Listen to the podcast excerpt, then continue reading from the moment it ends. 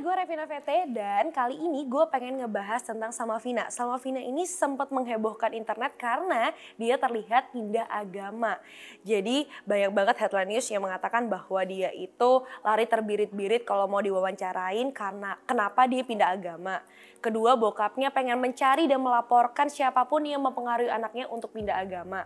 Belum lagi Salma Vina ini sebelumnya sempat menikah dengan Taki Malik lalu disebut-sebut sebagai pernikahan dininya ini adalah salah satu pemicu yang membuat dia akhirnya pindah agama. Sebelum gue berkomentar dan memutuskan untuk berpihak ke bokapnya Salma Vina atau ke Salma Vina, gue pengen ngasih tahu ke kalian dulu nih. Universal Declaration of Human Rights atau Deklarasi Universal tentang Hak Asasi Manusia mengatur bahwa manusia adalah makhluk merdeka.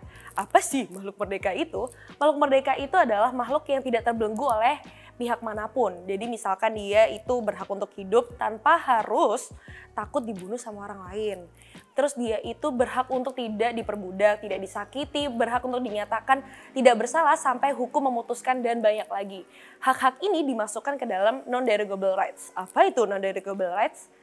Non-derogable rights adalah hak yang tidak dapat dikurangi dari pihak mana pun oleh siapa pun dan oleh negara apa pun. Jadi itu hak yang benar-benar untuk diri lo sendiri dan itu nggak boleh dikurangin oleh sama siapa pun. Apakah kebebasan beragama termasuk dalam non-derogable rights? Iya. Dalam pasal 18 Kovenan PBB tentang hak sipil dan politik telah mengatur tentang hal ini.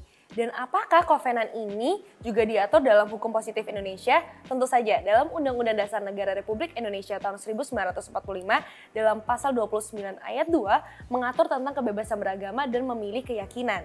Dan ini juga diatur dalam Undang-Undang Nomor 39 tahun 1999 tentang hak asasi manusia, lebih tepatnya lagi pasal 4 bahwa manusia berhak untuk menentukan agamanya masing-masing dan kepercayaannya masing-masing.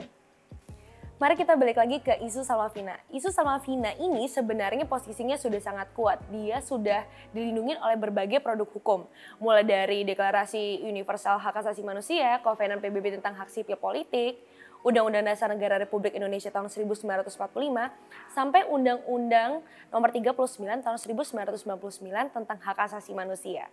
Nah, buat siapa pun yang menghalangi-halangi sama Vina untuk menjalankan upacara keagamaannya atau menjalankan ibadahnya dapat kena pidana loh. Karena ini diatur dalam pasal 175 Kitab Undang-Undang Hukum Pidana. Pasal 175 Kitab Undang-Undang Hukum Pidana mengatur Barang siapa dengan kekerasan atau ancaman kekerasan merintangi pertemuan keagamaan yang bersifat umum dan diizinkan, atau upacara keagamaan yang diizinkan, atau upacara penguburan jenazah, diancam dengan pidana penjara paling lama satu tahun empat bulan.